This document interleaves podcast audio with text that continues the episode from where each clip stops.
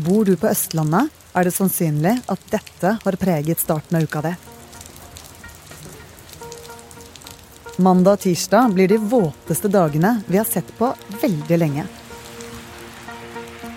Og hvor historisk dette uværet blir, vet vi ikke før det er over. Du hører på Forklart fra Aftenposten, en podkast der vi forklarer deg én nyhet i hver episode. I dag om hvorfor ekstremværet Hans ikke ligner noe meteorologene har sett tidligere. Det er tirsdag 8. august, og jeg heter Synne Søhol. Ekstremværet hans, det er nedbørsmengdene som vi venter nå i starten av uka. Og det kommer med et lavtrykk som kommer på en måte fra helt feil vei. Det kommer fra svensk side. Det er vi ikke vant til. Og det er veldig kraftig for årstiden. Men det er nedbørsmengdene over 24 timer som er det ekstreme. Pernille Borander er statsmeteorolog. Og der hun jobber, på Meteorologisk institutt på Blindern i Oslo, ble det brått veldig hektisk denne helgen. For ekstremværet hans ligner ikke noe de har sett før. Og det er én ting som skiller dette ekstremværet fra tidligere uvær det vi er aller mest vant til, er jo at vi får kraftige lavtrykk fra vest. Vestlendingene er veldig vant til at det er vått. Det er jo det vi hører. Der det, kan det regne flere uker i strekk. Og det er særlig utover høsten. Det er høsten og vinteren vi har kraftige lavtrykk. Så det at det nå kommer fra øst, og det er i starten av august, og det er Østlandet som får det våtest, det er vi ikke vant til. Hva er grunnen til det, da? Det her er, eh, det er jo en komplisert værsituasjon, men man kan faktisk på en måte se at dette været kommer eh, rett og slett nesten helt fra Hellas. Veldig varm, fuktig luft som har eh, kommet fra sørøst. Slått seg sammen med et lavtrykk som fikk navn i Storbritannia før helgen. Så det har kommet liksom litt fra to sider. Så én fra Hellas, en fra Storbritannia. Og så møttes de to litt sånn eh, midt over Europa, slo seg sammen, og så gikk det nordover, eh, over eh, Sverige, og så kommer det til oss nå, da. Så Hans er altså en kombinasjon av to lavtrykk som har slått følge nordover. Og ekstremværet vil merkes i alle fylkene i Sør-Norge utenom Agder. Men verst blir det fra Oslo til Sør-Trøndelag.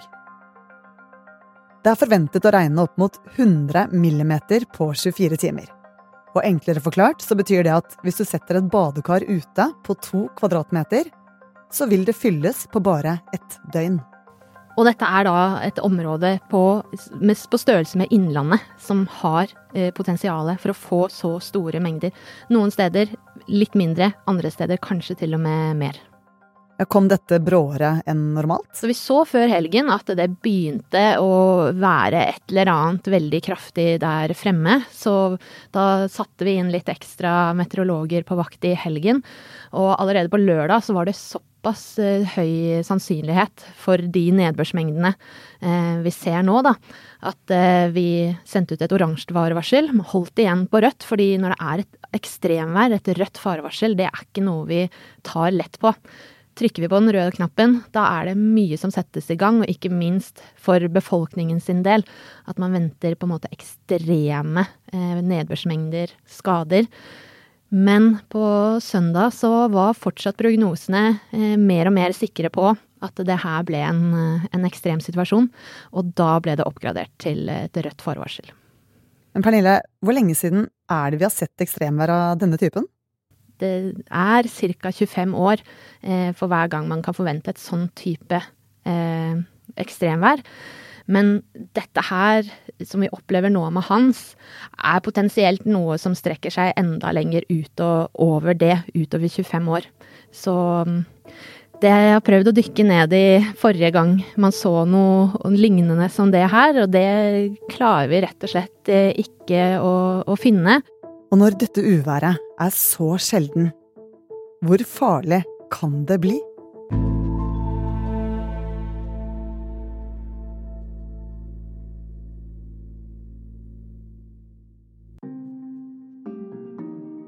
Da meteorologene trykket på den store, røde knappen i helgen, satt det langt inne. Ja, et rødt forvarsel er jo på en måte virkelighet i ytterkantene av den hverdagsvarslingen, værvarslingen vi driver med. Altså meteorologer, vi er Det er kanskje ikke noe folk nødvendigvis vet, men vi er på jobb 24 timer i døgnet. Det er alltid meteorologer på vakt. Vi er på jobb hver eneste dag gjennom året.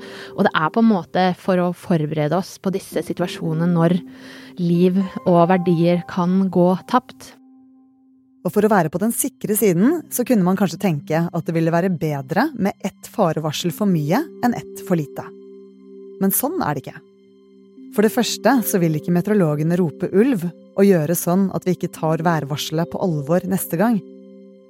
Og for det andre så er det mye som settes i gang når Meteorologisk institutt slår alarm. Når vi trykker på den røde knappen, så går det for det første meldinger ut til veldig mye beredskapspersonell i Norge at dette har skjedd. Så har på en måte alle, hver eh, institusjon, hver eh, del av Beredskaps-Norge har sine rutiner på, på, hva som skal gjøres, og ser hva som er konsekvensene for, for sitt område. Men det blir på en måte en, en ball som begynner å rulle. Da er det eh, mange samtaler, eh, mange som skal prates med. Ikke minst så går telefonene skikkelig varmt på Meteorologisk institutt. For da vil alle så klart ha informasjon om hva som skjer.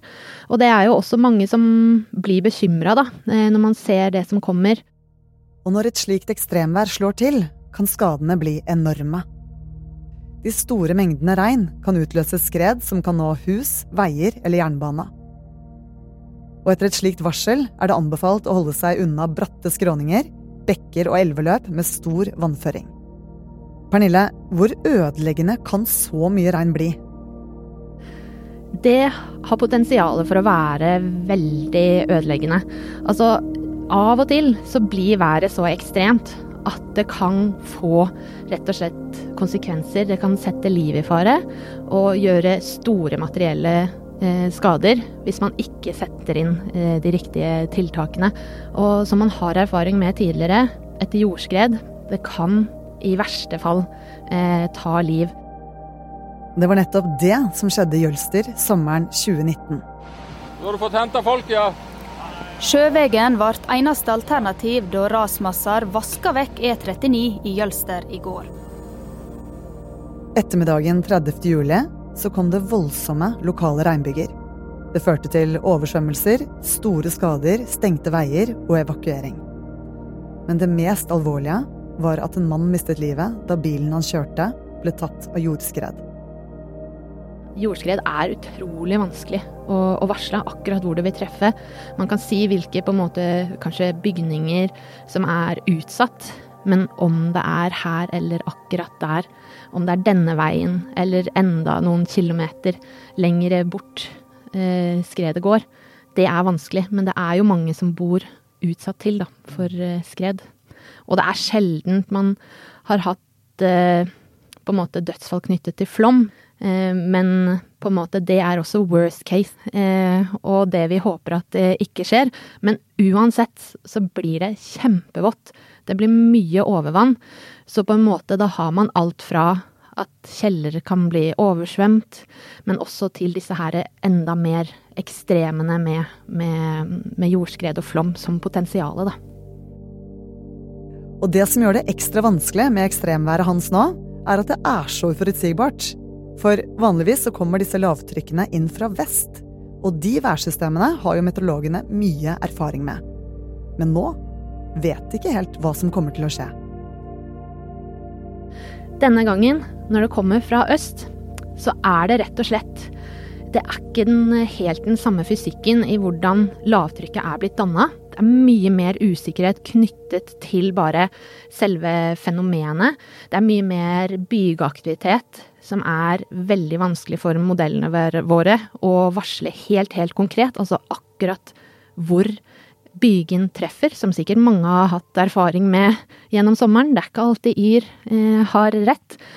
Eh, og i tillegg så er det da, nå har vi snakket mye sammen, og det er egentlig ingen meteorologer som har sett dette før. Vi har sett lavtrykk fra øst, men ikke så kraftig som det er nå. Det er når denne situasjonen er over, vi ser faktisk utfallet. For dette her har vi ikke noe å sammenligne med, rett og slett. Det at været kommer mot Østlandet, er jo, som du nevner, uvanlig. Men er denne delen av landet forberedt da, på slikt uvær?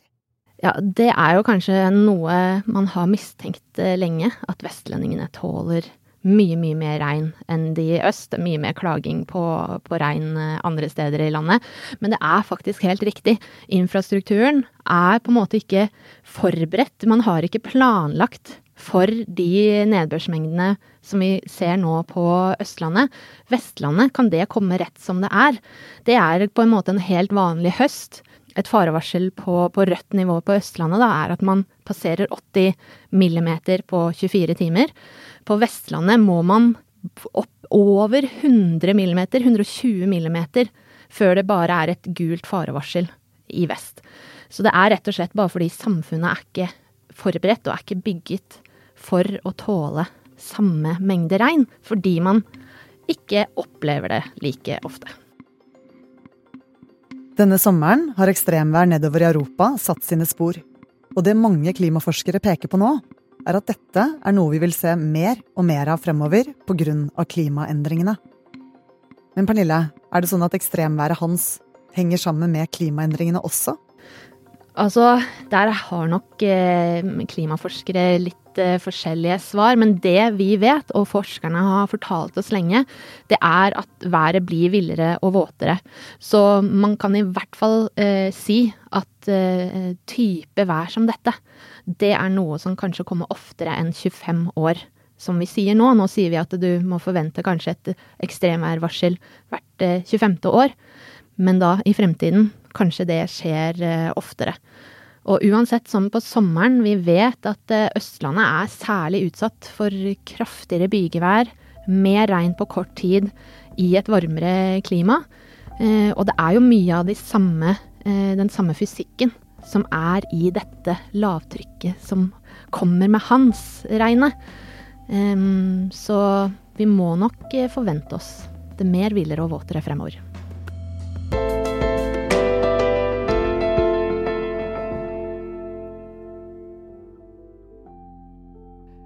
Du har hørt en podkast fra Aftenposten. Det var statsmeteorolog Pernille Borander som forklarte deg ekstremværet hans og konsekvensene. Denne episoden er laget av produsent Anders Weberg og meg, Synne Søhol. Resten av Forklart er Jenny Førland og Olav Eggesvik. Lyden er fra NRK og våre egne opptak. Uh, ja, vi er Aftenpodden, som er Lars Glomnes. Trine Eilertsen. Kjetil Bragli Alstheim. Sara Sørheim.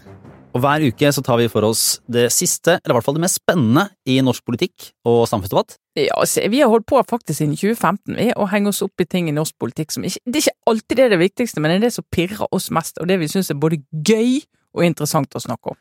Og ikke minst litt rart. Absolutt. Altså, jeg er jo ny her, jeg har bare vært på prøve nå i snart tre år, så, så jeg, men, men, veldig artig å være med.